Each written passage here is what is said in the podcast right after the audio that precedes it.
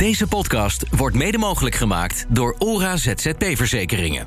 ORA, direct geregeld.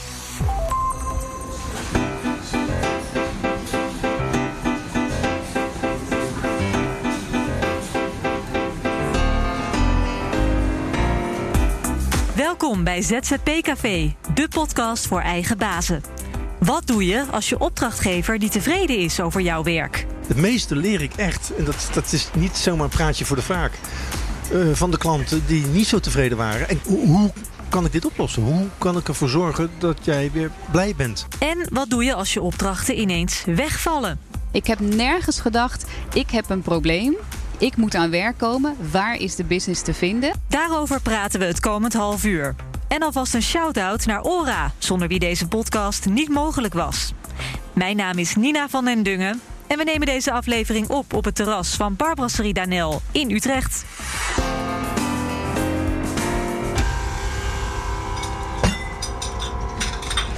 Nou, hier zitten we weer, Hugo Jan. De derde aflevering alweer. Welkom Ja, terug. Dankjewel.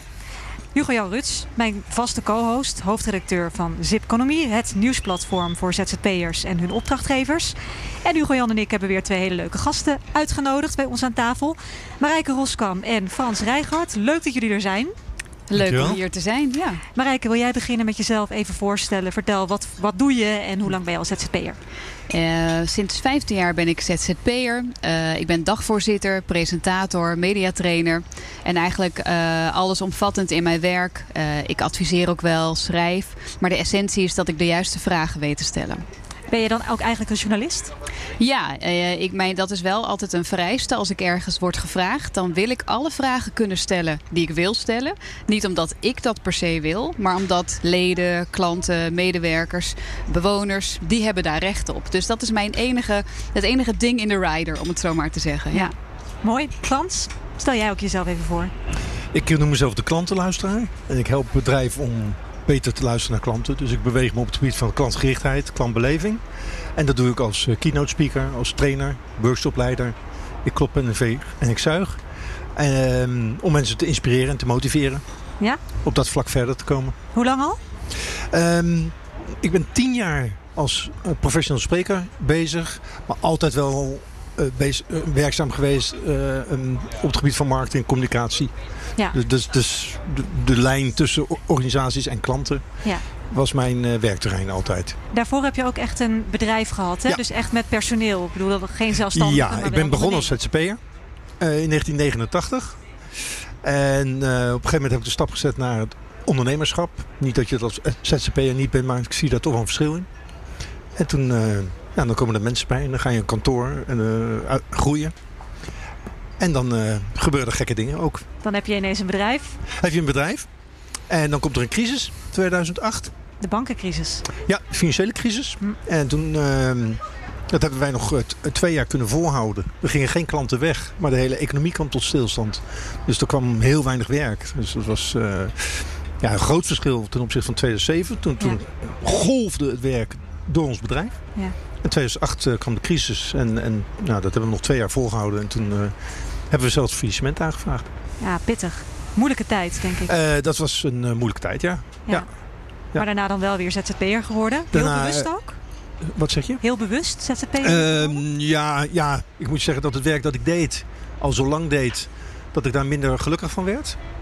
Betrapte ik mezelf op. En ik vond ook dat ik dat, dat werk dat ik te weinig bijdroeg aan ja, de samenleving of aan de maatschappij. Dan kun je zeggen, doe je dat dan nu als klantenluisteraar wel? Ja, dat gevoel heb ik wel. Als ik met bed uit kom, dan heb ik echt het gevoel dat ik mijn klanten help om het voor hun klanten beter te maken. Om de, de wereld mooier te maken voor klanten. Het klinkt heel groot, maar zo voelt het voor mij echt. Ja. En dat, eh, dat is een veel fijnere drive dan voor een verzekeraar weer een campagne doen voor een autoverzekering. Ja. ja, dat kan ik me voorstellen. Ja. Ben je ook dan, toen je failliet ging, hè, want dat was dus gebeurd in 2010, daarna werd je ZZP'er. Ja. Was dat dan, als je gewoon puur werktechnisch kijkt, ook meteen het zwaarste moment eh, in jouw carrière, in het, in het ondernemerschap? Eh, ja, kijk, 2010 eh, ging mijn bedrijf failliet. Ehm 2010 was ook het jaar van mijn scheiding. Dus ik heb, mijn, mijn leven is vrij eh, vlek, eh, rimpelloos verlopen. En ineens kwam ik in een hele giftige combinatie van uh, hoge lasten aan een, een ex-partner, uh, kinderen. Ja. Die ik overigens met liefde voldoe aan die plicht. En geen inkomen. Dat kun je beter andersom hebben. En dat was lastig. mede omdat ik ervoor koos. Niet alleen omdat ik koos ZZP'er te zijn. Maar er ook voor koos om iets anders te gaan doen. Waar ik heel gelukkig van werd. En dat was spreken, schrijven, trainingen geven. Alleen dat was wel anders dan wat ik al die jaren had gedaan. Ja. Dus ik moest mezelf opnieuw uitvinden en daar andere klanten bij vinden. Ja. Je, je, zei in het tussenzinnetje van ik was ondernemer, daarna werd ik ZZP'er en het is toch iets anders? Ja, wat, wat dat, bedoelde je daarmee? Is, ja, dat is een goede vraag. Uh, ieder vult dat in zoals hij zelf wil. Maar ik vind ondernemen, een bedrijf hebben, uh, uh, tien mensen op de, op de loonlijst, vind ik echt voor mezelf iets heel anders. En ik heb daar heel goed mijn, mijn kracht, maar ook mijn zwaktes door leren ontdekken. Dan als ZZP'er werken. Waar je veel van die taken die op je bord komen als ondernemer gewoon niet hebt. Uh, je moet jezelf managen, uh, je klanten tevreden houden. Dus er zijn wel overeenkomsten. Maar ik, ik hoef niet als een politieagent achter medewerkers uh, aan te lopen. Minder gedoe?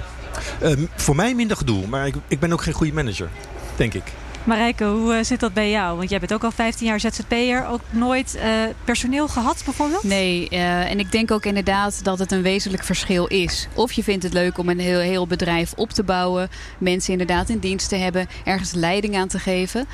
ik denk ook wel als je nu kijkt naar de huidige situatie. Heb ik ook echt echt groot respect voor ondernemers. Want die hebben al die extra stressvolle factoren. Ze kunnen ook weer het, de emmer overgieten naar personeel als er wat moet gebeuren. Uh, ik doe alles zelf, dus ik zit tot midden in de nacht en de marketing te doen en de technische uh, zaken. Maar ik vind dat leuk. Dus, dus je moet ook wel als je uh, start als ZZP'er, denk ik ook wel van nou, of je gaat alles lekker heel veel zelf fixen voor de klant. of je bent een teamplayer. Ja. Maar het is wel degelijk een groot verschil. Ja. ja. We gaan het hebben over jezelf opnieuw uitvinden in tijden van werkverlies. Dat kan te maken hebben door een economische recessie, of het nou een bankencrisis of een coronacrisis is. Of dat het gewoon even niet zo lekker gaat, waar heel veel ZZP'ers mee te maken krijgen. Hugo Jan, jij hebt uh, zoals altijd uh, een aantal feitjes paraat. Ja, ik heb hiervoor eens even in de zelfstandige arbeid enquête gedoken van, van CBS en TNO. En ik kwam in ieder geval twee dingen tegen die denk ik wel interessant zijn als je over dit, dit punt hebt. En het is ten eerste van, van hoeveel opdrachtgevers hebben zelfstandigen nou? Ja. En dat blijkt dat ongeveer 20% heeft minder dan drie opdrachtgevers in een jaar. Nou, dat is aan een, aan de, ene kant heel makkelijk, want dan hoef je dus niet zoveel acquisitie te doen, maar het maakt je ook wel heel kwetsbaar. Ja. En als je dan je opdrachten kwijt bent, nou ja, als je dan er eentje hebt, dan uh, dat geldt ook wel dat, dat uh, ongeveer 8% van alle zelfstandigen meer dan 90% van de omzet weghalen bij één opdrachtgever. Nou, dat Ik maak je wel. Uh, heel erg aangesproken. Het is voor mij de reden inderdaad om uh, soms te stoppen met functies die je fantastisch leuk vindt als ZZP'er, maar die gewoon te risicovol, risicovol zijn uh, voor de rest van je levenspad. Zeg maar. ja. Ja. ja. ja. Nou, spreiding is denk ik wel, wel een interessant onderwerp om er nog even wat op, dieper op, op door te gaan. Ja. En de tweede die ik ophaalde, daar schrok ik ook wel een beetje van, zijn de financiële buffers. Uh, van hoe lang kan je dan, als je geen opdrachten hebt, nog uitzingen? Nou, volgens deze cijfers komt 21% heeft een buffer van korter dan drie maanden. 21 procent. Nou, dus het glas is half vol, half leeg. Hè? Dat betekent ook 80 procent het ruimschoots kan of langer kan uitzingen. En, en uh, iets van een, een, kwart kan zelfs langer dan vijf jaar uitzingen. Nou, dan heb je het goed geregeld, denk ik. Ik denk dat het heel maar, erg afhangt van sectoren, denk je niet? Want zeker. Uh, ja. in de media, redacteuren, kijk ik dan maar even naar. Uh, nou, dan heb je, heb je het knap gedaan als je buffers opbouwt. Uh, als je in advieswerk zit of advocaat bent, uh, of meer in die dienstverlening zit, ja, dan snap ik dat je de helft uh, kunt wegzetten. Ja, dat, dat hangt er vanaf. Maar ja. de, de, vraag blijft natuurlijk of ook als je in een sector is waar je, waar je weinig kan opbouwen, ja, hoeveel moet je opbouwen? Ja. En is het toch niet verstandig om als je besluit ZZP te kijken van hoeveel buffer heb ik nodig en wat moet ik eigenlijk gewoon om een gezond bedrijf te kunnen doen. Uh, nou, hoeveel buffer moet je, ja. moet je hebben? Ja. En in mijn sector spreek ik ook wel ZZP'ers die zeggen... ja, als ik heel eerlijk ben, dan overleef ik door het inkomen van mijn partner. Die heeft een vast inkomen. Ja. Uh, waardoor we onze reserves nauwelijks hoeven aan te tasten. Ja. En dat Eh, kan hè, als je gewoon op voorhand maar goede afspraken maakt in de setting waarin je als ZZP'er eh, werkt. Dus wij doen ook heel vaak daar hysterisch over als mensen zeggen: ja, maar mijn partner heeft een vaste baan. Mhm. Eh, prima. Als je met z'n tweeën een gezonde thuis-BV hebt. Maar ik heb me wel laten vertellen door iemand die uh, op risicomanagement zit. Je moet eigenlijk altijd uitgaan van worst case. Dus als je inderdaad gaat scheiden, volle map alimentatie. Hoe red je het dan, zeg maar? Dat is eigenlijk, ja. Doe je dat? Heb jij een buffer? Ik heb geen buffer, nee. Maar uh, ik heb wel een eigen huis. Uh, mijn buffer is vooral dat ik... ik heb wel een beetje een buffer. maar is vooral de, de spreiding, waar we het zo meteen ook wel over gaan hebben. Uh, als ik mijn stem zou verliezen, wat als dagvoorzitter best essentieel is, dan kan ik vanaf volgende week, weet ik dat mijn netwerk zo groot is en mijn skillspakket ook, kan ik uh, gaan schrijven. Ja, dan ja. heb je inderdaad weinig stem nodig. Ja, ja. Hoewel het nog steeds heel vervelend zou zijn. Frans, jouw buffer nu? Nou, ik, ik had een buffer. Uh, doordat het zeg maar, de jaren voor de coronacrisis uh, ging het goed. Mm -hmm. uh, nou, die buffer is wel weg. Gelukkig krijg ik steun. Het, de TOZO-regeling. Ik heb het uh, verdriet en het geluk. Het, uh, het, verdriet is dat mijn moeder is overleden vorig jaar. Het geluk is dat zij uh, ja, haar, haar, kleinkinderen en kinderen een bedrag heeft nagelaten. Ja. En dat geeft mij in ieder geval rust. Liever wil ik dat daar niet aankomen. Maar, maar het, geeft... kan wel. Maar in geval van nood kan het. Ja, ja. En dat is een zegen. Ja, zeker. Marijke, we hebben jou uitgenodigd omdat jij, uh, nou, jij verloor dan heel veel werk als dagvoorzitter natuurlijk in de coronacrisis. Mm -hmm. Onvermijdelijk, want de evenementensector ligt plat. Jij bent toen meteen aan allerlei knoppen gaan draaien om eigenlijk je inkomen zeker te stellen, om jezelf opnieuw uit te vinden. Ja. Um, vertel er eens wat over. Ja, dat heeft ook te maken met je mindset. Ik reken mijzelf niet tot de evenementensector, om maar te beginnen. Ik reken mezelf als journalist, als dagvoorzitter, interviewer, vragensteller. En dat werk kun je op heel veel fronten doen. Uh, wat ik wel merkte is dat heel veel mensen direct ook in hun taal zeiden... oh jee, dan uh, valt je agenda helemaal uit elkaar en het is helemaal blanco. Nou, ik zag wel uh, wat afspraken wegvallen. Maar er waren ook opdrachtgevers die zeiden... we willen het graag later in het jaar doen. Dan betalen we wel de helft aan. Dat is ook omdat je 15 jaar dit werk al doet en, en elkaar Relaties al wel kent. opgebouwd. Absoluut. Ja, ja. ja. Um, maar als je ervan uitgaat, en dan in zo'n crisissituatie met corona... Uh, communicatie is mijn vak. Vragen stellen is mijn vak. Het is niet zozeer dat opdrachtgevers niets meer te communiceren hebben. Nee. Alleen ze moeten dat op een andere manier gaan doen. Ja. Dus wat ik uh, ben gaan doen, ik had de, het geluk, zeg ik er wel bij, dat een van de technische partijen die ik vaak tref op congressen, die woont in hetzelfde stadje uh, als waar ik woon. Ik heb ze gebeld en uh, ik hoorde van hen dat zij in een hotel wel een soort studio wilden bouwen. Nou, ik zei, hebben jullie ervaring met webinars, met livestreams? Ja, dat hebben we wel. Ik zei, denk je dat we uh, uh, digitale uh, sessies kunnen aanbieden? Ja, dat denk ik ook wel. Nou, ik, zei, ik, ik snap de inhoud. Ik ben wel een nerd. Ik hou heel erg ook van techniek toevallig. Ja. Ik zei, laat mij daar maar een beetje uitvinden met jullie hoe je dat doet. En dan ga je dus je inleven in die klant. Dus ik, ik, ben, ik heb nergens gedacht, ik heb een probleem ik moet aan werk komen. Waar is de business te vinden? Nee, uh, gewoon mijn netwerk. Wat hebben die nu voor communicatie-issues? En dat is ook hoe je op LinkedIn, in je, in je mails, in je telefoontjes communiceert. Ja, ja. Van goh, uh, wat willen jullie de komende weken gaan doen? Heb je, wel, welk verhaal wil je vertellen? Waar, welke connectie wil je leggen? En dan ben je ook niet zo, ja, ik zeg het maar een beetje plat, ben je ook gewoon niet zo zielig. Het nee. is echt ongekend wat ik, wat ik zie aan mensen. Tuurlijk, evenementensector daar gelaten. Hè? Want daar, daar, als jij. En er zijn fantastische partijen die echt mooie belevenissen maken in die evenementensector. Maar dat is niet mijn werk. Ja, dus concerten vanaf podium in Ahoy, dat kun je inderdaad moeilijk in een studio even oplossen. Precies. En ik ken ook bijvoorbeeld, ik draai mooie events in de Fokker Terminal. Bijvoorbeeld is zo'n is zo'n locatie. Maar ook in het noorden heb ik partijen. Ja, die hebben echt nul werk nu.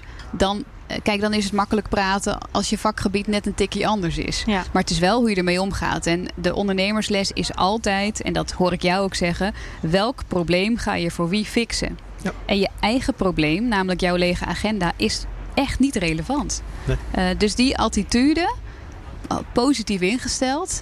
Uh, dat, dat werkt ontzettend mee. Dus toen ben ik nachtenlang. En ja, je weet, ik heb een babytje ook nog en een mm -hmm. uh, dreumes.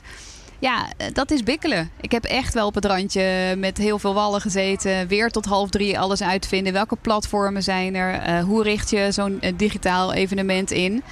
Dat is niet altijd makkelijk. Uh, en niet altijd leuk. Nee, maar wel als je altijd oprecht nieuwsgierig blijft en je wilt ontwikkelen. En dus niet uitgaat van, ja. ja, niet van, oh jee, dikke shit, als ik dit niet doe dan. Maar, oh, ik ga eens uitvinden voor die en die klant. Hoe we dat nou, dat vraagstuk, zo optimaal mogelijk gaan inrichten. Ja. Ja, dan is het een andere houding. En dan kijk je maar wat minder vaak in de spiegel. Want dan word je niet vrolijk van dat beeld. Want het is iets te korte nachten gedraaid. Maar nu staat het, ja. geef eens een voorbeeld van uh, hoe zo'n, uh, nou ja, laten we zeggen, zo'n sessie die jij normaal gewoon in een verzorgingshuis doet of op een podium. ja. Hoe doe je dat dan digitaal? Nou, het is, uh, we hebben dus dan digivents ingericht. En dat is niet zozeer dat we hele beloftes doen dat je een, een hele happening mee gaat maken. Want we gaan gewoon met elkaar, wat mijn doelstelling ook altijd is met mijn werk, kennis uit, uh, uitwisselen en interactie aangaan, zodat we daarna beter ons werk met elkaar kunnen doen. Mm -hmm. uh, de kinderarmoede in Nederland is heel groot en op dit moment ook nog veel groter. Dus ik werk samen met een partij, anders door heel Nederland, uh, waar we langs theaters gaan en daar een publieksacademie inrichten over kinderarmoede. Ja. Maar wat willen we daar eigenlijk mee? En dat zijn de vragen die ik dan stel. Wat wil je daar nu mee? Je wilt in die end dat in Nederland kinderarmoede niet meer bestaat. Dat is, hè? Tony Chocolonely wil slaafvrije chocola. Mm -hmm. Hoe komen we daar? Nou, niet alleen door dan te zeggen, ja, onze sessies kunnen niet doorgaan, maar kijk vooral op onze website. Nee, we weten nu dat bijvoorbeeld verkiezingsprogramma's worden geschreven. Nou, dan halen we digitaal Kamerleden in de uitzending. We maken een mooie line-up met sprekers over de impact van kinderarmoede. Die Kamerleden luisteren daarnaar via de, de, de verbindingen die wij dan leggen. We maken een mooie uitzending. En aan het eind kunnen mensen, deelnemers ook thuis, ervaringsdeskundigen, digitaal uh, input leveren voor die programma's. Ja. Dus je hebt je doelstelling gewoon wel bereikt. Maar ja, ja, je moet altijd gewoon goed als ZZP'er bedenken... welke waarde ga ik toevoegen? Hmm. En als je van daaruit redeneert, is er, is er zoveel meer mogelijk. Ja. Frans, ik zie jou uh, instemmend knikken. Wat heb jij gedaan in deze coronatijd? Uh, uh, nou, ik heb iets heel anders gedaan dan Marijke. de eerste week, toen we nog helemaal niet weten van wat is er aan de hand en wat, wat gebeurt er hierna. Dus dat was half maart. Waar, waar, ik één dag had dat, ik kan me die dag nog herinneren, dat zes of acht ja, ja, opdrachten voor de weken daarna gingen tak, tak, tak, tak. Weg. Zo uit de agenda. Een les voor ZZP'ers raakt niet in paniek. Maar het was wel een vreemde gewaarwording. Uh, dus we wisten niet precies wat er nou gaande was. Dus uh, hoe gek ik ook denk. Mijn agenda was ineens leeg. En dat vond ik eigenlijk wel lekker. Die week. Dus ik ben ook uh, elke dag anderhalf uur gaan lopen. En, en natuurlijk kijken wat is hier gaande en wat, wat gaat er komende weken, maanden gebeuren. En toen zag ik dat een aantal van mijn vakgenoten... die kozen ervoor om heel snel online proposities uh, op te tuigen. Mm -hmm. En webinars te gaan geven. Marijke. Ik, uh, ja, onder andere. Uh, maar ook op het gebied van klantgerichtheid, klantbeleving. Ja. En toen dacht ik, moet ik dat ook doen? En toen ben ik een aantal van mijn vakgenoten gaan bellen. Ik zei, ook zie dat je dit en dat doet. En nou, lang verhaal kort. Die zeiden allemaal van ja, nee, maar je, je moet het niet zien als vervanging voor de business die ik nu mis. Want ze zeiden eigenlijk allemaal, ik doe het gratis. Degene die het niet gratis deed, zegt, ik heb maar twee aanmeldingen voor een webinar. Dus... Ja, maar dat is wel... Ja, ik, ik haak ja? er even op in. Maar Graag. ik heb van het weekend... Ik was een weekend eindelijk vrij. Ik was op Vlieland en ik las het boek van Mark Verhees. Hmm. En die man die noemt zich manisch uh, positief. Manisch positief. En, en de ondernemersles in zijn boek, The Vibe, was... Uh, als jij al niet de waarde toevoegt aan jouw product of dienst... Hoe kun je dan verwachten? Hoe ja. kun je dan verwachten dat als jij iets voor een tientje wegzet of gratis... Ja. dat andere mensen wel die waarde toevoegen? Ja. Dus die overtuiging, uh, daar moet het dan wel mee beginnen. En ik snap best dat mensen het spannend vinden. Maar als jij al niet zegt, dit is het waard... of jij niet, maar jouw collega's... Nou ja, een, bekende van BNR, Jos Burgers, uh, die levert veel waarde, denk ik. Uh, die heeft ook die ervaring dat, dat de, de online propositie betaald aanbieden op een of andere manier is dat lastig als spreker. Jij doet iets anders, jij ja, faciliteert. Ja, ik faciliteer het met een technische partij. Als, en zonder was ik ook nergens. Ja. Hè? Uh, maar in ieder geval, uh, ik heb er toen voor gekozen, dit ga ik niet doen. Het is tijdelijk. Hoe tijdelijk, uh, dat wist ik toen nog niet. Weet ik trouwens nu nog niet, maar het is tijdelijk. Uh, ik ga eerst andere dingen doen. Ik ga zorgen dat die website waar ik al bezig was om die te vernieuwen en te internationaliseren, om die goed op te tuigen. Uh, uh, om, om me meer als global speaker neer te zetten. Een Engelstalig e-book uh, te maken. Uh, ik ga mijn studio thuis in de kelder optuigen. Het nou, dus echt investeren in jezelf. Ja, dus ik heb, in je bedrijf. Ik, ik heb ja. tegen mezelf gezegd, daar heb ik ook iets op LinkedIn iets over gezegd. Wat er ook gebeurt, ik ga hier sterker uitkomen. Fysiek, mentaal. En dan ga ik daarna knallen. En dan ben je iemand met wie andere mensen graag werken. Want ja. je bent aanstekelijk in je energie. Ja.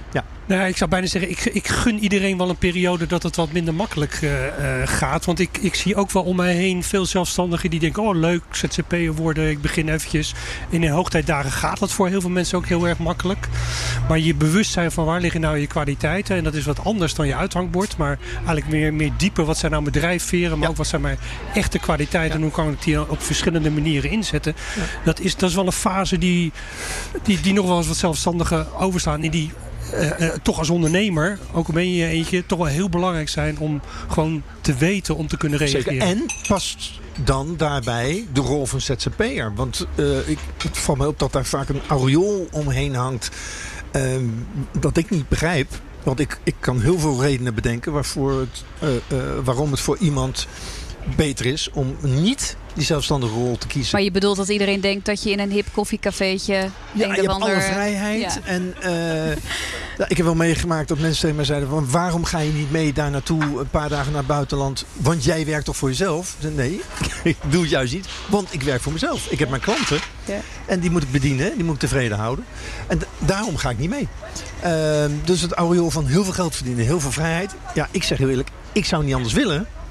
Maar misschien spoor ik niet. Maar ik, ik kan ja, heel veel redenen bedenken waarom het beter is om in loondienst te werken. Ik denk dat je inderdaad af en toe slightly geschift moet zijn ja? om door te zetten. Ja, uh, ja als ik naar mezelf... Nou of ja, heel creatief. We kennen elkaar. Ik kan hard werken. Ja, creatief inderdaad. Maar ik heb denk ik in de afgelopen weken en maanden met zo'n jong gezin nog niet harder gewerkt dan in deze 15 jaar. Daar moet je geschikt voor zijn. Ja. Daar moet je een soort raar gestel voor hebben dat je met vier uur slaap ook nog helder kunt ja, denken. Soms wel. Dus ik hoop inderdaad dat de mensen die uh, nu de twintigers, weet je, die, die inderdaad gaan denken: ik start voor mezelf. Ja, denk wel heel goed. Nou, het is superleuk. Ja. Maar die waarde, die vrijheid, die moet voor jou voorop staan. En niet inderdaad het geld verdienen nee. uh, of, of, denken dat het je allemaal aankomt waaien. Je werkt, denk ik, toch wel uh, 50 uur in de week. We moeten niet net doen alsof het werken in loondienst een keuze is, een armoedige keuze of minder waardig. Nee, helemaal, helemaal niet. niet. Nee. Nee, nee, nee. Als jij beter functioneert in een grote organisatie. Ja dan moet je dat doen. Maar als je ook maar ergens een gevoel van zelfmedelijden ooit in je leven hebt ervaren, dan zou ik het afraden. Dan zit je midden in de nacht weet je, te werken en dan zeg ik luid op: dit is wat je wilde, Roscal. Ja, weet je? Ja, ja. Uh, Waarom gewoon, ook weer? Ja, ja, maar gewoon een soort ja, dat manisch optimisme, dat, dat, dat spreekt me wel aan. We gaan nog uh, even naar één ander aspect van uh, het feit dat je opdrachten kan verliezen. Het hoeft niet zo te zijn dat je ze verliest. Maar wat er kan gebeuren is dat een klant of een opdrachtgever aan het einde of halverwege niet helemaal tevreden is. Hebben jullie dat wel eens meegemaakt? Dat er ineens uh, iets gebeurt? Frans, uh, zie ik in de lach schieten. Ja, ik, ik, omdat Marijke, die zie ik echt zo kijken. Van, nou, nee, heb ik nog nooit meegemaakt. meegemaakt. Nou, ik wel. um, ik, ik, vraag uh, altijd aan, aan, klanten na afloop van een traject of een project, een opdracht, um, of ze tevreden zijn. Dat heb ik gestructureerd. Dat vind ik ook practice what you preach, walk the talk en, en noem maar. Dus klanten weten ook van tevoren dat ze van mij een mail krijgen met een, een paar vragen die ze binnen een minuut kunnen beantwoorden. Dus vraag uh, of ze tevreden waren. Ik stel de bekende Net Promoter Score vraag. Hoe waarschijnlijk is het dat je mij zult aanbevelen bij een vriend of collega? Ja, ja, ja. En, uh, en dan is er nog een open vraag. wat kan er beter? Ja. En ik weet... Ja, het, het, is dus gebeurd uh, dat ik op die Net Promoter Score vraag een, een 7 scoorde. Nou, dan weet je, die klant is gewoon niet tevreden. Althans, niet tevreden genoeg ja, ja, ja. binnen mijn uh, normen. En dan uh, is het heel waardevol om te achterhalen. Uh, wat maar dan... hoe is dat dan gekomen? Want het is ergens aan het begin dan in de verwachtingen misgegaan. Nou, dat is de spijker op zijn kop. Ehm, een keer die mij bijstaat was voor een, een grote Nederlandse bank. Ja, die, gaf een 7. En toen kwam ik erachter dat zij toch net iets anders hadden verwacht dan ik had geleverd. En ik kwam erachter dat ik dat als ik in de briefingfase andere vragen had gesteld, had ik dat kunnen ondervangen. Dus dat heeft ervoor gezorgd dat de briefing checklist die ik gebruik in die voorfase, dat ik die daarop heb aangescherpt. Dat ik heel goed weet welke thema's en ook welke vorm. Willen ze, willen ze bijna iets collegeachtigs of willen ze iets clownesk? Willen ze bijna stand-up comedy over klanten? Ja, ja. Ehm, dus de verwachting over de inhoud en de vorm, daar ga ik nog diep op in vooraf. Ja, uh, jullie doen alle twee natuurlijk hele korte opdrachten. Maar ik, ik, heb eens onderzoek gedaan met de Universiteit Tilburg. Met name over de wat langere opdrachten. En dat was onderzoek naar goed opdrachtgeverschap. En er kwamen eigenlijk twee elementen wel naar voren. Is dat opdrachtgevers eigenlijk heel weinig feedback geven tijdens de opdracht. Maar dat opdrachtnemers, de zelfstandigen, ook heel weinig feedback vragen. En, en, en zelfs uh, vaak ook geen eindevaluatie doen. Nee, je moet die klus opknippen. Uh, je moet inderdaad per zoveel tijd, per maand.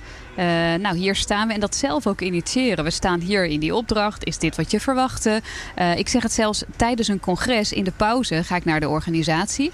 Is dit de tone of voice? Zijn dit de vragen? Zijn dit de zaken die we goed van tevoren hebben doorgesproken? Of wil je daar nog iets anders in? Nou, uh, ja, 99,9% zegt nee, dit is precies zoals we hadden gedacht. Ja, ja dan, Fijn.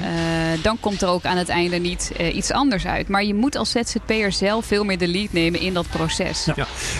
Mag ik dan nog iets aan Zeker. toevoegen? Er zich een grappig fenomeen voor. Op het moment dat je feedback krijgt die niet zo positief is, of beter had gekund, dan betrap ik mezelf erop dat mijn reptiele brein wordt geraakt. Doe pijn, ja. Wil daarvan weglopen. Ja. Ja, het, het gevoel dat ik herken. Wat een heel vreemd gevoel wat niet fijn is. En ik heb geleerd om dat met mijn rationele brein te overroelen. En te zeggen, er is niemand die je dood wil maken. Er is niemand die jou pijn wil doen. Je hebt gevraagd en je krijgt het. Wat kun je eruit halen? Wat kun je ervan leren? En het is me opgevallen dat een klant als je daarna contact opneemt en je zegt, ik zie dit is niet goed genoeg, uh, hier doe ik het niet voor. Wat kan er beter en help mij om te leren. Dat de klant dat graag met je wil delen en de klant ook zegt, we waren best tevreden hoor. Ja, precies. best tevreden. Maar ja, we hadden toch liever dit. En het, het grappige is, Marijke zegt net over die, die uh, uh, ja, de meeste klanten zeggen het is goed. Dat klopt. daar ben ik ook blij om. Maar daar leer je niks van. Het meeste leer ik echt. En dat, dat is niet zomaar een praatje voor de vaak. Uh, van de klanten die niet zo tevreden waren. En kunnen pinpointen, zeggen van nou, dat had beter Nou, wat je ook zegt, het mag wel schuren. Kijk, ik doe dat meer aan de voorkant. Uh, en dat nemen mensen je niet altijd in dank af. Dan komen ze bij je. Het, het programma staat al. We hebben die en die spreker. We hebben een debat ik doe dat aan de voorkant. Het zijn niet altijd de leukste gesprekken direct. En ik kom altijd best wel fel over. Dan zeg ik, hé, ja, een debat. nou, ik zeg leuk, daar steken we niks van op. Argumenten, tennis op de eerste rij. De introverte mensen in de zaal hebben er geen donder aan. En in die end bereiken we niet de doelstelling die je wilt. Nee. Dan is iedereen even stil. Ja, dus, dus, dus dat... Uh, ja, hè, even... Maar dan zeg ik, waarom doen we niet een werksessie? Want dan in die end gaan mensen uh, blij naar huis. Kunnen mensen input leveren. En, en je bereikt je doel. Ja, Ik, maar dat is altijd mijn gevleugelde uitspraak. Ik denk maar luid op. Als jullie een debat willen, doe ik een debat. Maar denk nog even na. Nou, en dan in die end. Maar dat, dat, dat schurende of dat niet maar dat knipmesterige als ZZP'er dat zou ik inderdaad wel aanraden. Want je, daar kom je inderdaad niet verder mee. Of ik daar... hoor Hugo Jan net zeggen van, uh, dat, dat ZZP'ers weinig vragen om feedback. Hmm. Uh, en ik denk dat dat heel erg te maken heeft projecteren op je privé situatie. Misschien zouden we het daar ook wel meer aan onze partner kunnen vragen. Uh, van hoe gaat het en hoe kan het beter? dus, dus, wil je voor, de, voor die negen gaan? Of uh, ja, troost je jezelf liever met de gedachte van... volgens mij was het wel goed. Laat ik het maar niet vragen. Want misschien doet het me pijn. Ja. ja, maar dat is wat je ook wel ziet, vind ik, bij veel ZZP'ers. Ook online in hun communicatie. Het is veel van, nou, uh, ik, ik ben hiermee bezig. Ik ben dit, ik ben dat. Uh, maar heel erg de diepgang, of het verbeteren of het leren, ja. uh, dat mag iets menselijker en iets ja. Uh, ja. ja. kwetsbaarder. Hey, en stel Juist. nou, het is volgens mij dan bij jullie nooit zo ver gekomen, maar stel nou dat er toch iets van een geschil ontstaat. Hè? Een opdrachtgever is gewoon niet zo blij. Ja. Jij wil eigenlijk niet dat hij niet blij vertrekt. Ja. Kan je nog wat doen? Um, ik zeg niet dat je het moet doen, maar sommigen zullen misschien overwegen: ik geef wel een korting ik doe het misschien wel gratis. Ik ja. uh, verander oh, ja. nog iets aan mijn werk. Wat, je, wat, zouden jullie daarin doen? Wil je gelijk hebben of gelukkig zijn? Het laatste. Uh, dan, uh, ik heb wel gehad in de afgelopen week had ik het zo druk. Ik zou een serie van zes interviews maken. Uh, met video en uh, van alles. Ja, het was echt, uh, de agenda overstroomde. Toevallig, die organisatie hield zich ook bezig met duurzame inzetbaarheid. Dus ik heb maar gezegd, jongens, heel eerlijk. Het is echt superveel. Um, weet je wat? Ik stuur geen factuur. Dan hebben jullie gewoon drie interviews. maar je hebt de helft liever... wel gedaan. De helft van de klussen ja, heb je ja, gedaan. Ja, ik geef het liever weg. Ja, ja. En mijn inschattingsfout is het geweest qua agenda en hoeveel tijd het kost om video te editen. Want dat zou ik ook wel eventjes uh, doen. Maar het was, uh, ik had niet verwacht dat al die events door zouden stromen digitaal. Uh, maar dan, dan hou je die verhoudingen goed. dus jij kiest dan voor de relatie op dit moment? Ja, ja en ook ja, je bent daar niet om met elkaar uh, een of andere oorlog uit te vechten. Als iemand een bepaalde kant op wil, ja, dan kan ik daar in handbalhouding voor gaan staan en zeggen: ja, maar dit en ja, maar dat. Niemand wordt daar blij van. Ik heb liever dat ze denken: oh ja, uh, die was zo relaxed en zo nuchter. Nou, doen we het zo. Ik weet niet of je dat herkent, maar dat, uh, joh, als jij dat wilt. Als, nou. als ik terugdenk aan, ja, ik ben nu 57, hoe ik dat deed toen ik uh, 27 was. De strijd die ik heb gevoerd en dat gelijk halen in plaats van kiezen voor geluk, denk ik, wat heeft dat je toen gebracht? Helemaal niks. Zou jij ook dus voor de klantrelatie Ik kies per definitie voor de klantrelatie ja. en ik zal een klant ook vragen, hoe, hoe kan ik dit oplossen? Hoe kan ik ervoor zorgen dat jij weer blij bent? Ja. En alleen die vraag al stellen maakt een klant al blijer. Ja. Um, dus je komt daar altijd uit. En uh, ja, ik, ik heb in de afgelopen tien jaar, sinds ik weer ZZP'er ben, nog nooit meegemaakt dat er een, een conflict was. Of uh, laat staan een conflict escaleerde. Gelukkig. Dus, uh... Hugo Jan, voor we afsluiten, um, er is een belangrijke tip. Uh, eigenlijk waar veel ZZP'ers nooit over nadenken, maar wat toch wel relevant is. Algemene voorwaarden van tevoren, toch? Ja, ik denk dat algemene voorwaarden kunnen helpen in. Uh, kijk, die, die maak je voor situaties waar je niet in terecht wil komen. Maar uh, dat wil niet zeggen dat het onverstandig is of dat het verstandig is om ze niet te hebben. Uh, algemene voorwaarden, daar kun je een aantal dingen in afspreken die gewoon. Wat gebeurt er bij een conflict? Of uh, een belangrijkste bijvoorbeeld, lever ik nou een inspanningsverplichting of een resultaatsverplichting? Mm-hmm. Nou, dat, een inspanning is eigenlijk, ik doe mijn best. Ik, je mag van mij verwachten dat ik alles doe om het te doen. Een resultaatsverplichting is gewoon ik, ik, lever iets op. Nou, dat is wel een heel groot verschil tussen die twee. En wees je wel bewust van wat je nou doet uh, uh, daarin. En dat kan, dat kan wel helpen als er een aantal dingen gewoon vaststaan om... Ik ben met, met Frans eens dat je, je... Natuurlijk is die klantrelatie heel erg belangrijk. Maar ja, er zit soms ook wel een onmachtsrelatie tussen zelfstandigen en grote opdrachtgevers. Die moet je ook weer niet te snel weg laten spelen door iemand die de nee. macht pak, pakt en daarin. Besteed dat ook uh, uit bij grote opdrachtgevers. Uh, kijk, zelf nemen klussen aan. Uh, maar ik heb ook een manager. En dat klinkt heel aanmatigend. En, en, maar dat is gewoon omdat mijn agendabeheer, als ik onderweg ben, kan ik niet een datumprikker invullen. maar die stuurt ook opdrachtbevestigingen en, en die laat ze tekenen. En dan gaan we aan de slag. Ja. En dat zijn alle opdrachtgevers opdrachtgevers hartstikke. Ja, maar in die zin zou je dat natuurlijk zelf ook prima uh, kunnen automatiseren. Ja. Uh, en dan kun je zelfs nog zeggen, dat ik ook wel eens met mijn boekhouder, als een factuur niet betaald wordt, dan mail je naar die opdrachtgever, je, niet met ik. Maar goh, mijn uh, boekhouder die vraagt al drie maanden. Hoe zit het met die openstaande post? Alarmerend bericht hier nou, ik, ambulance. Ja, ik zit ook naar die ambulance te luisteren. Even wachten tot nu de ergste herrie weg is. Want hij komt er volgens mij aan of is hij weg? Nee, hij is weg nu hè? Het gaat okay. over geschillen en meteen wordt iemand uh, ja. afgevoerd. Ja, tot slot wil ik van jullie allebei in één zin een belangrijke tip voor ZZP'ers die luisteren. Mensen die uh, overwegen misschien om ZZP'er te worden. Marijke, aan jou wil ik specifiek vragen. Wat raak je ZZP'ers aan die te maken krijgen met echt economische tegenwind en dus werkverliezen? Wat doe jij in één zin om jezelf opnieuw uit te vinden? Uh, wees de persoon met wie jij zelf ook zou willen werken. Wees aanstekelijk, energiek. Welk probleem ga jij voor wie fixen? Uh, begin je zinnen niet met ik. Het gaat niet om jou, maar om je diensten uh, en de energie die je meebrengt. Mooi. Frans, jouw tip uh, wil ik graag toespitsen op die ontevreden klant, zal ik het maar even noemen. Wat is jouw beste advies in één zin? Ik heb ooit van Robert Benninga geleerd, zet je ego in de koelkast. Dus ik zou zeggen, luister vooral naar wat je klant gelukkig kan maken. En sowieso alles van Robert Benning gaan gewoon lezen, want daar word je heel vrolijk van. Nou, dat zal hij heel fijn vinden. Veel dank uh, voor jullie komst allebei. Frans Rijgaard en uh, Marijke Roskam, natuurlijk mijn co-host Hugo-Jan Ruts. Dit was alweer de derde aflevering van ZZP Café, de podcast voor eigen bazen. En deze podcast die kon niet worden gerealiseerd zonder de steun van verzekeraar Ora. Die zelf natuurlijk ook allerlei diensten aanbiedt om een aantal zaken van het ZZP'en ietsje makkelijker en zekerder te maken. Als je daar meer over wil weten, kijk even op hun site ora.nl slash zzp. Deze podcast wordt mede mogelijk gemaakt door ORA ZZP Verzekeringen. ORA, direct geregeld.